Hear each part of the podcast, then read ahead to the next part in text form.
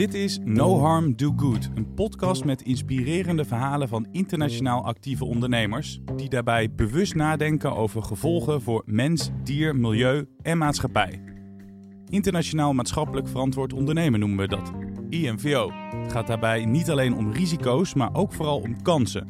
Door negatieve effecten te voorkomen en te verminderen, maken ondernemers een positieve impact op de wereld om hen heen.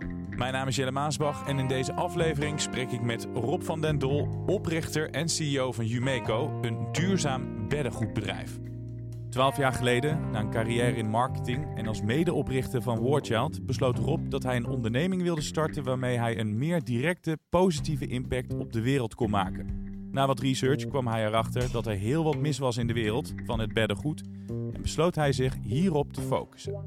Jumeco is daarnaast niet zomaar een duurzaam beddengoedbedrijf, het is een impactbedrijf. Producten verkopen en geld verdienen zien ze als een middel, een duurzame impact maken is het doel. Een manier waarop ze deze impact maken is bijvoorbeeld door al hun duurzame bevindingen te delen, zodat andere bedrijven hiervan kunnen leren en ook duurzamer kunnen worden. Naast een ondernemer en mijzelf hoor je elke podcastaflevering een expert van RVO. Deze aflevering is dit Esther Kruk. Zij werkt bij de afdeling Internationaal Ondernemen van RVO.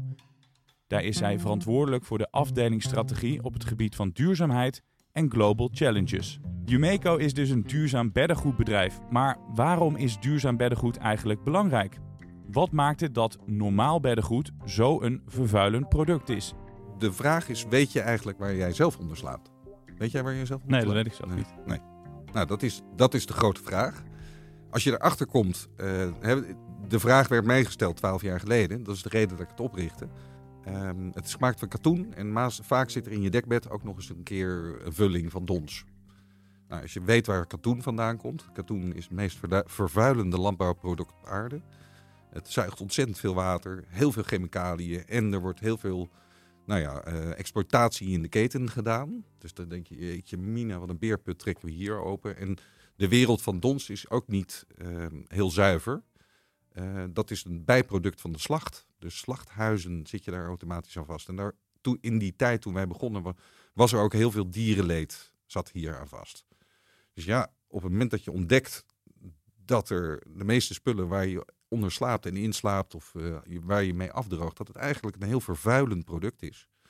Waar mensen in de keten onder lijden, maar ook dieren in de keten onder lijden. Je noemde net al wat op, maar als jij aan mensen moet uitleggen wat er mis is in de wereld van beddengoed, Ja. wat staat er dan voor jou eh, op één? milieu. Echt bij uitstek. De landbouw van katoen is vervuilend. Hè. Je spreekt er ontzettend veel pesticiden, chemicaliën, eh, kunstmest als een van de grote eh, vernietigers van de, van de biodiversiteit. Hoe gaan we die landbouw omkrijgen en nieuwe producten verbouwen of andere producten verbouwen die minder schadelijk zijn voor de wereld? Want in India heb je gewoon vervuilde rivieren. Niet alleen door het gif wat er opgespreid wordt, maar ook door de verfstoffen die gebruikt worden bij het kleuren van textiel. In de beddengoedwereld is dus heel veel mis. Is schadelijk voor het milieu, er is dierenleed en veel mensen in de katoenindustrie worden onderbetaald. Het doel van Jumeco is om deze industrie te verbeteren en dus een positieve impact te maken en daarmee de wereld te verbeteren. Om dit te bewerkstelligen heeft Jumeco een Theory of Change ontwikkeld. Maar wat is dat precies? Het is ja, je, eigenlijk je theorie hoe jij ehm, en impact wil maken, maar aan de andere kant ook je geld mee wil verdienen. Hè, dat is hoe hebben wij verandering, de verandering van de samenleving in ons businessmodel gebouwd. Bij ons gaat het om drie wezenlijke dingen. Het eerste is eh, create. En dat betekent wij zetten eerlijke ketens op. Transparant zijn, waarvan we echt weten dat het zo duurzaam mogelijk is. In dat kader creëren we ook nieuwe materialen die veel beter zijn voor de wereld, zoals linnen of tencel. Maar we zijn aan het experimenteren met aloe vera om daar stoffen van te maken, zeewier, hennep. Er zijn allemaal oplossingen die veel minder slecht zijn voor de wereld. Tweede stukje is inspire. Daarmee willen we consumenten inspireren om een duurzamer koopgedrag te vertonen, maar ook natuurlijk om lekkerder te slapen. En als derde, en dat is het belangrijkste wat we willen doen, is transform. We willen echt daadwerkelijk dat het hele bedrijfsleven een systeemverandering gaat doorvoeren om ja, daadwerkelijk duurzaamheid als een core competence binnen je bedrijfsvoering te introduceren. Ja, en hoe doe je dat eh, laatste? Ehm, nou, daar, daar zit meteen het dilemma. Want je kan heel veel ondernemers inspireren, maar ehm, het blijven ondernemers. Dus bij, wat wij zien is, als wij aantonen hoe succesvol we zijn, dan zeggen andere eh, ondernemers, god, dat is best interessant. En dat gaat zowel, het gaat met name om financieel succes, eh, om te laten zien dat wij dus een businessmodel hebben gebouwd waarin je daadwerkelijk heel veel geld kunt verdienen ook. En betekent dat ook dat jullie eh, informatie over jullie producten, over jullie manier van werken delen? Ja. Met, die delen jullie met, met andere bedrijven? Ja, er is geen geheim wat we niet delen. Dat is iets wat, wat een ondernemer niet graag doet natuurlijk. Nee, maar ehm, ik werd opgebeld door een collega. We noemen ze geen concurrent, maar collega's. Uh, en die zei, waar maken jullie spullen? En ik geef gewoon letterlijk de adressen, de namen van mijn leveranciers. Geheel transparant, want ja, op het moment dat zij meer opdrachten krijgen, verhoog ik daarmee de duurzaamheid. We moeten ook realistisch zijn. Ik denk niet dat mijn bedrijf de grootste ter wereld gaat worden. Maar als wij anderen kunnen stimuleren om hetzelfde te doen, ja, dan hebben we enorme impact. Dus dat proberen we ook echt te meten. We meten onze eigen impact. We meten de inspiratiefactor, dat wat lastiger. Maar we kijken ook letterlijk, oké, we zijn dit jaar weer drie uh, collega's ontstaan. Wat een goed nieuws. Jumeco deelt informatie over hun producten en hun manier van werken met andere bedrijven. Het bedrijf maakt dus impact doordat zij niet alleen zelf duurzaam bezig zijn, maar ook een weg banen voor andere bedrijven om ook duurzaam te worden. Hoe belangrijk is deze voorbeeldfunctie van een bedrijf precies? Aan het woord Esther Kruk van RVO. Ja, dat is ontzettend belangrijk. Uh, wij hebben onderzoek gedaan samen met de Vrije Universiteit en de Universiteit Utrecht. En daar kwam echt ook met stip op nummer 1 naar voren dat uh, ondernemers heel graag gewoon praktijkvoorbeelden uh, willen hebben. Van hoe werkt nou zoiets in de praktijk en wat levert het op? Daar heeft onder andere Erasmus Universiteit ook onderzoek naar gedaan. En die hebben vastgesteld eigenlijk dat de belangrijkste drijfveer voor gedragsverandering uiteindelijk het gedrag van andere bedrijven is. Hè. Dus bedrijven die kijken naar elkaar. Dus daarom is het heel belangrijk om gewoon goede voorbeelden te hebben. En vooral ook voorbeelden waaruit blijkt dat je zowel duurzaam kunt zijn, maar daar ook geld mee kunt verdienen. Want dat, dat is uiteindelijk toch wat veel bedrijven motiveert. Een onderdeel van de Theory of Change van Umeco is het opzetten van eerlijke en transparante ketens in het productieproces. Zo moet de duurzaamheid van het product gegarandeerd worden. Echter, hoe weet Umeco precies welke ketens eerlijk en transparant zijn? Nou, we wisten ook dat het, uh, dat een uitdaging zou zijn. Want hoe controleer je een keten die intransparant is? Dus wij hebben vanaf het begin af aan hebben wij gekozen om keurmerken te hanteren. En in ons geval is dat uh, de Global Organic Textile Standard. Uh, en zij doen de controles in de keten. Dus wij ontvangen ook rapportages erover over ja, wat er in onze ketens gebeurt. Hetzelfde geldt voor Fairtrade. Um, wij hebben al sinds het begin hebben we een Fairtrade keurmerk. En dat betekent ook dat wij weten ook welke partijen we mee moeten samenwerken om eerlijke salarissen te betalen, om eerlijke prijzen te betalen aan de boeren voor hun katoen. Dus dat is de vorm van due diligence. Tegelijkertijd hebben wij ieder jaar brengen we een impact report uit, waarin we rapporteren over onze impact en ook waar het beter kan. Dan gaat het natuurlijk altijd wel eens wat mis. Kan je een voorbeeld noemen van iets uh, wat een goed idee leek, maar wat niet helemaal goed uitpakte? Wat dus wel eens mis is gegaan? Wij hebben eerlijke ketens opgezet waarin we zoveel mogelijk voor dierenwelzijn. Uh, hè, dus toen wij begonnen werd heel veel dons werd levend geplukt in China. Ja, gillende dieren dat je denkt, oké, maar hoe kan dit? Dus wij hebben samen met de boeren en de slachterij en onze producent hebben wij een keten opgezet waarin we rekening gingen houden met het welzijn van de, van de ganzen en de eenden. En op een gegeven moment werd ik door, volgens mij was het Tros Radar gebeld. Die zei, nou, we hebben verborgen camerabeelden uit jullie stallen. En jullie zeggen dat je heel duurzaam bent, maar dit is echt niet oké. Voor de rest wil niemand op camera reageren. Wil jij wel op camera reageren? Ik zeg natuurlijk. En hoe ellendig, want dit is echt, als er iets fout is in onze keten, willen we het weten. De mensen van, uh, kwamen op televisie, of ze kwamen het filmpje laten zien. Nou, ik ben rot geschrokken. Want er bleek in al de regels die wij opgesteld hadden een leemte te zitten. Namelijk het stukje laden en lossen van eenden was niet beschreven in de regeltjes. dat betekent dat er daar waren camerabeelden van hoe nou ja, mensen echt vreselijk omgingen met, met dieren. Nou, wij hebben dus meteen de dierenactivisten opgebeld die dit filmpje gemaakt hadden en gezegd: luister, laten we gaan samenwerken, want wij willen heel graag dat jullie die externe controle bij ons in de ketens gaan doen. Doe maar invallen, val maar binnen met een verborgen camera en film het, zodat wij de boel beter kunnen maken. Want op basis van dit, uh, de dingen wat er gebeurde, hebben, uh, zijn wij gaan overleggen met de slachterij, met de vervoerder, met de mensen van de boerderijen, maar ook met dierenartsen, van hoe kunnen we dat dan wel beter doen. En hebben we een nieuw set regels geïntroduceerd, waardoor nou ja, dit incident voortaan voorkomen kon worden.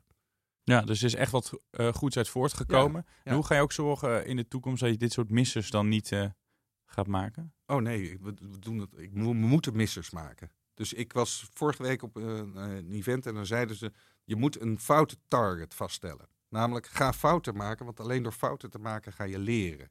We moeten niet zo bang zijn om fouten te maken, want het is echt letterlijk het verbeteren van je producten, verbeteren van je keten. Je moet alleen alert zijn op waar zitten de fouten. Zelfs voor Umeco kan het moeilijk zijn om helemaal te doorgronden wat er precies gebeurt in de productieketen. Hoe houd je als bedrijf rekening met de mogelijke risico's van alle bedrijfsactiviteiten in deze keten? Oftewel due diligence. Dat is inderdaad niet makkelijk. Um, je moet echt stapje voor stapje de keten uh, in kaart brengen samen met andere partners. Want de grootste problemen die kun je niet uh, zelf oplossen. Uh, maar het, het, kan wel. Hè? Dus er zijn ook wel voorbeelden zoals textielconvenant. wat laat zien dat dat in de praktijk toch wel mogelijk is. Wat kan je als ondernemer zelf doen als je misstanden tegenkomt in die keten? Nou, het allerbelangrijkste is ehm, dat je niet meteen terugtrekt. want anders worden de problemen ook niet opgelost. Uh, dus het is echt belangrijk om met partners in gesprek te gaan en om te proberen om verbeteringen aan te brengen. Want als je gelijk weggaat, dan worden de problemen niet opgelost. En pas echt als je tegen bijvoorbeeld grenzen aanloopt van wat, wat wettelijk toegestaan is, ja, dan is het goed om te, uh, op zoek te gaan naar andere ketenpartners. Maar uh, anders is het gewoon veel beter om het gesprek uh, aan te gaan. zero tolerance, dat klinkt vaak heel stoer. Maar uh, nou ja, met het directe de deur dichtgooien, daar, daar los je niks mee op. Nou, ik wil even terug naar die theory of change waar Rob mm -hmm. het over had. Hij zegt dat hij met deze theorie wil proberen om uiteindelijk het hele systeem te veranderen. Maar is een systeemverandering eigenlijk ja, wel mogelijk, denk jij? Ja, dat is een goede vraag. Wij zeggen zelf wel eens bij de overheid, je hebt eigenlijk drie types. Je hebt uh, koplopers, je hebt het peloton en je hebt uh, achterblijvers. Ja, en eigenlijk hebben die bedrijven, afhankelijk van wat voor type bedrijf ze zijn, verschillende dingen nodig. En bij, bij de achterlopers, ja, dan heb je het vooral over de ondergrens. Hè, proberen zoveel mogelijk omhoog te trekken. En dan gaat het echt om ja, geen schade brokkelen. maar ja, dat, je wilt natuurlijk vooral dat peloton uh, vooruit helpen en, en meer doen dan alleen geen schade brokkelen.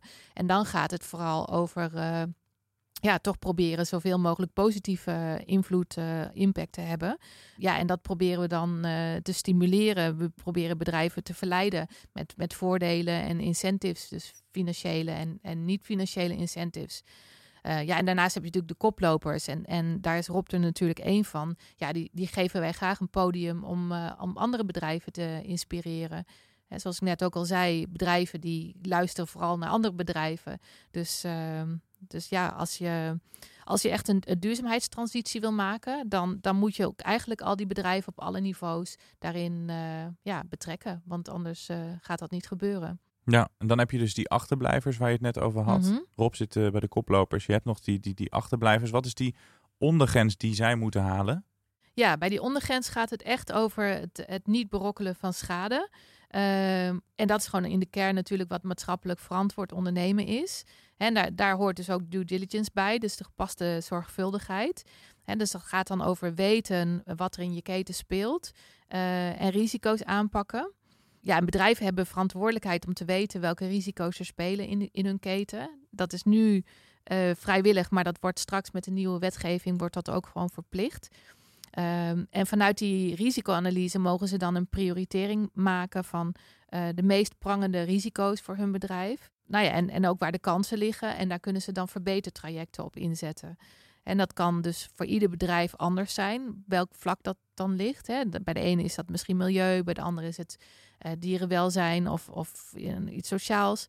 Maar waar het dan om gaat, is dat er verbeteringen plaatsvindt uh, en dat je daar eigenlijk continu in blijft leren. En dat, dat, wat dat betreft ben je eigenlijk ook daar nooit klaar mee, want er zijn altijd weer nieuwe verbeteringen mogelijk. Hè, maar dat gaat dan over de achterblijvers. En uiteindelijk wil je natuurlijk liefst gewoon een, stap verder. Hè? Dus, dus dat je niet alleen uh, geen schade berokkent, maar dat je ook gewoon ja, do good, een positieve bijdrage, daadwerkelijk een positieve bijdrage nastreeft. Um, ja, en, en dat kan je dan doen door je bijvoorbeeld bezig te gaan houden met, met alle SDG's. Hè? En um, ja, dan kan je ook bijvoorbeeld nadenken over waar liggen er nou kansen voor mij om iets extra's te doen. Dus hoe kan ik bijvoorbeeld de biodiversiteit uh, stimuleren? Of uh, nou ja, in geval van Rob bij textiel denk je dan bijvoorbeeld aan, aan chemicaliën en, en watergebruik. En zo kan ieder bedrijf voor zichzelf nagaan. Uh, van waar liggen voor, voor mijn bedrijf de meest prangende risico's, waar ik ook echt vanuit de kernactiviteiten van mijn bedrijf uh, invloed op uit kan oefenen. Dat is natuurlijk risico's zijn waar je met je bedrijfsvoering dan niet echt een, een invloed op hebt. Ja, dan kun je daar ook niet veel mee. We zijn ook uh, Nederlanders. Tenminste, dat is je belangrijkste afzetmarkt natuurlijk. Dan kijken we altijd naar de prijs. Ja. Dan pas naar of het uh, ook uh, goed is voor, voor de impact voor het milieu, zal ik maar zeggen. Um, is jullie product duurder dan het normale beddengoed? Normaal beddengoed wel. Ja. Maar hoge kwaliteit beddengoed zijn we weer goedkoper. Want wat betaal je voor een normaal beddengoed bij jullie? Nou ja, het, be het begint bij 90 euro voor een beddengoed setje. En inderdaad, dat kan je voor 25 euro bij de IKEA ook kopen. Ja, maar die prijs zit je ook wel bij de high-end. Uh... Ja. ja, nee, de high-end. Als je vergelijkbare producten, dat product voor 100 euro wat wij verkopen, dat kan je elders voor 150, 175. Die kwaliteit. Dus bijvoorbeeld ons dekbed is net door de Consumentenbond als beste koop van alle dekbedden in Nederland uh, het is een duurzaam product. Niet alleen duurzaam, het is gerecycled. Nog even over die markt voor duurzaam beddengoed. Want daar ben ik wel benieuwd naar. Volgens mij is die gewone beddengoedmarkt enorm. Ja. Maar hoeveel procent of hoe groot is het aandeel van, nou ja, hetgene dat jij doet? We weten dat biologisch katoen in de hele markt slechts 1% van de markt uitmaakt. Ik denk dat dat een goede indicatie is ook voor het, op het gebied van beddengoed. Wat nog erger is, is dat 0,07% is maar fairtrade katoen. 99,93% is niet fairtrade. Ja, dat is, dat is schrijnend. Dus het is een piepklein percentage. Dus er is ook heel veel winst te behalen hier in de groei van deze sector. Maar waar we echt naartoe moeten, is dat we van het katoen af moeten en van het plastic af moeten. We moeten naar materialen die een veel minder grote footprint op de aarde hebben. Dus laten we hennep, wat nu nog een beetje scratchy is als je het op je huid draagt, dat moet zachter worden. Als het hè, zeewier, dat neemt massaal CO2 op. Waarom gaan we niet zeewierproducten maken? Dus we moeten gaan dromen over andere materialen die een veel minder grote destructie op deze wereld hebben. Um, jullie doen aan IMVO, maar dat zie ik nergens terug op jullie website. Nee, wij doen niet aan IMVO. Waarom is dat? Maatschappelijk verantwoord ondernemen doe je erbij. Bij ons is het de core van wat wij doen, is uh, ja, maatschappelijk ondernemen. Maatschappelijk, hè, maatschappelijk verantwoord ondernemen zijn de projectjes die je erbij doet. Dat is, oh, we gaan naar onze verpakkingen kijken en we gaan de cartridges van onze printers gaan recyclen. En die koffieapparaat die moet wat minder energie verbruiken en die bekertjes moeten weg. Ja, dat is MVO. Dus je krijgt al, dat deed, deden mensen erbij. En ja, ik vind dat het een, een cruciaal onderdeel van je hele bedrijfsvoering moet gaan worden. Ja, dus als ik vraag hoe hebben jullie dat uh, uh, geïntegreerd in jullie bedrijfsvoering? Ja, dat zit dan. Dat zit overal in. Het zit overal in. Maar echt van de spullen die we op kantoor gebruiken, tot de meubels die we op kantoor kopen, tot de energie die we op kantoor gebruiken, maar ook de manier waarop we met mensen omgaan. Um, dan over de, de RVO. Uh, welke ondersteuning hebben jullie van hun gehad? grensoverschrijdende ondersteuning. Dus wij hebben gewoon informatieverzoeken bij u neergelegd over ja, de, hoe werk je in India, hoe werk je in Duitsland. Hoe, want we zijn inmiddels ook actief in Duitsland en België. En kijken naar de rest van Europa om de expansie te gaan doen. Uh, nou, dat is zeker een uh, adres waar we moeten gaan aankloppen. Ja, dat is wel de partij ja. die je dan verder kan helpen met hun ervaring. Ja, uh, zeker. Ja. Wat zijn de landen eigenlijk waar je dan nog naar kijkt? Waar we naar kijken? Nou, Scandinavië bijvoorbeeld, Engeland, Frankrijk, Oostenrijk, Zwitserland, EU. Genoeg, ja, genoeg uitdagingen. Genoeg. ja. Over grote stappen gesproken. Sustainable Development Goals, de ja. SDG's, die zijn uh, belangrijk. Ja. Um, welke overlappen met jullie doelstellingen? Ja, er zijn er, eh, volgens mij zijn er iets van acht of negen waar wij bij aansluiten. Uh, en dat is een mooie stip aan de horizon. Uh, ik heb ook wel wat kritische noten bij de, bij de Sustainable Development Goals. Want de, volgens mij is nummer vijf, dat gaat over economische groei. Ja, economische groei is tegelijkertijd ook hetgene wat enorme slechte impact op sociaal en milieu heeft. Dus je ziet dat er een spanning tussen de SDG's zit. Uh, ik denk dat we veel holistischer naar zouden moeten gaan kijken. En denken, ja, we moeten goed zijn voor het milieu. We moeten goed zijn voor mensen. Armoede moet de wereld uit. En laten we eens uh, uh, vriendelijk naar elkaar zijn. Hè? In Europa bijvoorbeeld, dan zien we dat de sociale SDG's heel hoog gescoord worden. Alleen op environment doen we het heel slecht. Ja, daar zit een spanning in. Dus als je het niet goed doorvoert, dan zie je dat, er, uh, dat, er, ja. dat het ook een greenwashing instrument uh, kan zijn. Dus de SDG's kun je gebruiken als een stip aan de horizon. Maar dan is er nog wel een vertaling nodig, wat je als bedrijf daaraan wil bijdragen. En dat doe je door MVO te integreren in je hele bedrijfsvoering. MVO is dus niet iets dat je erbij doet, maar moet doorgevoerd worden in alle aspecten van je bedrijf. Volgens Rob zit er dus een spanning tussen de Sustainable Development Goals. Dus volgens hem voor een bedrijf niet voldoende om zich slechts op enkele SDG's te focussen. Maar hoe moet er dan wel naar de SDG's gekeken worden? Ja, nee, je moet de SDG's meer zien als een holistisch kader. dus, dus Rob gaf ook al aan dat er een bepaalde spanning zit tussen bepaalde SDG's. dus je moet altijd de negatieve en de positieve impacts uh, tegen elkaar afwegen. Uh, want als je gewoon een aantal SDG's kiest en je daarop mee bezighoudt, dan wordt het uh, vaak uh, greenwashing. En dat is uiteindelijk natuurlijk niet wat je wil. Wat kan de RVO doen om ondernemers te helpen die maar wat graag zich willen bezighouden met dit vraagstuk, maar misschien het niet alleen aankunnen? Ja, nou wij helpen ondernemers graag. we denken ook graag met ze mee bijvoorbeeld van waar risico's liggen en waar de negatieve effecten liggen. Daar bieden wij ook, uh, ook tools voor, hè, zoals nou ja, de MVO-risicochecker. Daarin kun je zien uh, wat voor risico's er in bepaalde landen en sectoren spelen. Of we kunnen bijvoorbeeld helpen met, met een mapping op de SDG's van waar liggen je kansen, waar liggen je uitdagingen en, en hoe kun je bijvoorbeeld uh, um, ja, mitigerende maatregelen inzetten voor, voor potentiële negatieve effecten. Um, maar we hebben ook verschillende instrumenten, zoals uh, het Fonds Bestrijding Kinderarbeid. Daarin hebben we beperkte middelen om een, om een risicoanalyse te doen. En als die risicoanalyse dan leidt tot een uh, samenwerkingsproject met bijvoorbeeld een andere ondernemer of een NGO of een brancheorganisatie of een lokale partner, dan kan daar subsidie op gegeven worden. Dus ja, allerlei uh, instrumenten hebben we dus ook om de ondernemer te ondersteunen. Kijk, we kunnen bijvoorbeeld een ondernemer niet helpen bij het, bij het invullen van een prijsstrategie. Maar op andere vlakken staan wij graag klaar om de ondernemer verder te helpen. Uh, met uh, Rob ging het ook over true pricing. Dus de echte prijs die we zouden moeten betalen mm -hmm. voor een mhm. artikel. Hij zegt, dat wil ik wel heel graag doen. Maar het is heel moeilijk om te kijken hoeveel we verdienen aan het vernietigen van de bodem. Dus die true pricing bij hem, dat is nog lastig. Uh, maar hoe gaan we er uiteindelijk voor zorgen dat ondernemers dit met z'n allen toch gaan doen, denk jij? Ja, het is inderdaad lastig. Want ja, wat, wat je zegt, van wat voor prijs hang je nou aan het vernietigen van de bodem of, of van diver, die, de biodiversiteit? Uh, en ik denk dat het gewoon heel belangrijk is om dan eigenlijk te leren om vanuit een ander perspectief te kijken. Hè, meer one planet thinking. Dus, dus hoeveel grondstof, uh, grondstoffen mag ik eigenlijk gebruiken als, als bedrijf?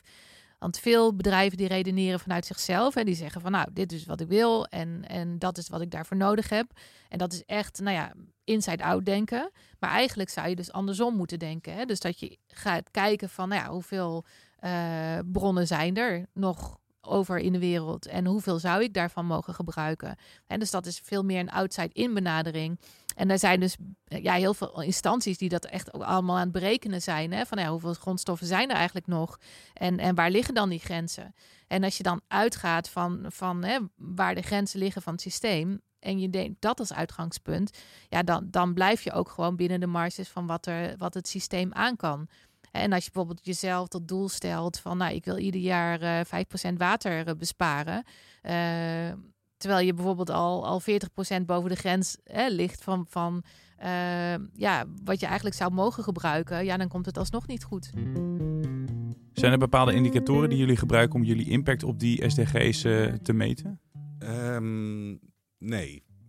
Nee, dat niet. Wij hebben onze eigen impact-indicatoren. Uh, die, zit, die hangen wel onder de uh, SDG's. En we weten dus, als wij zeggen oké, we hebben het inkomen van een boer verbeterd, het inkomen van de, van de mensen in de keten verbeterd. Dan weten we dus ook dat we voldoen aan het stukje armoedeverlichting en livable wage van de SDG's. Wat zijn de stappen die je tot nu toe hebt gezet waar je het meest trots op bent? Als ik nu op kantoor kom, word ik zelf geïnspireerd. Want ik hoor uh, nu bijna 30 mensen die mijn verhaal aan het vertellen zijn over hoe we de wereld beter aan het maken zijn. Daar word ik zo zelf uh, heel positief en, uh, en blij van. Want ik denk, ja, hier zit de hoop voor de toekomst. Wat zijn de plannen voor de toekomst tot slot?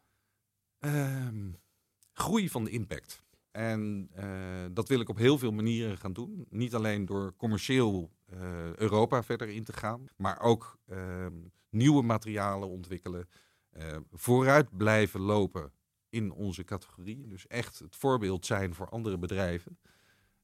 en zoveel mogelijk inspireren en transformeren. Want dat is wat, wat onze missie is. Dankjewel. Graag gedaan. Hartstikke leuk. Dank aan Rob van den Dol van Jumeco en Esther Kruk van RVO. Termen als maatschappelijk verantwoord ondernemen, Sustainable Development Goals, oftewel SDG's, en OESO-richtlijnen, ze vliegen je allemaal om de oren. Wat houden ze in en wat betekenen ze voor jou als MKB'er? Lees er alles over op rvo.nl slash mvo-sdg's-voor-mij, waartoe je verplicht bent als ondernemer en wat je allemaal nog meer kan doen.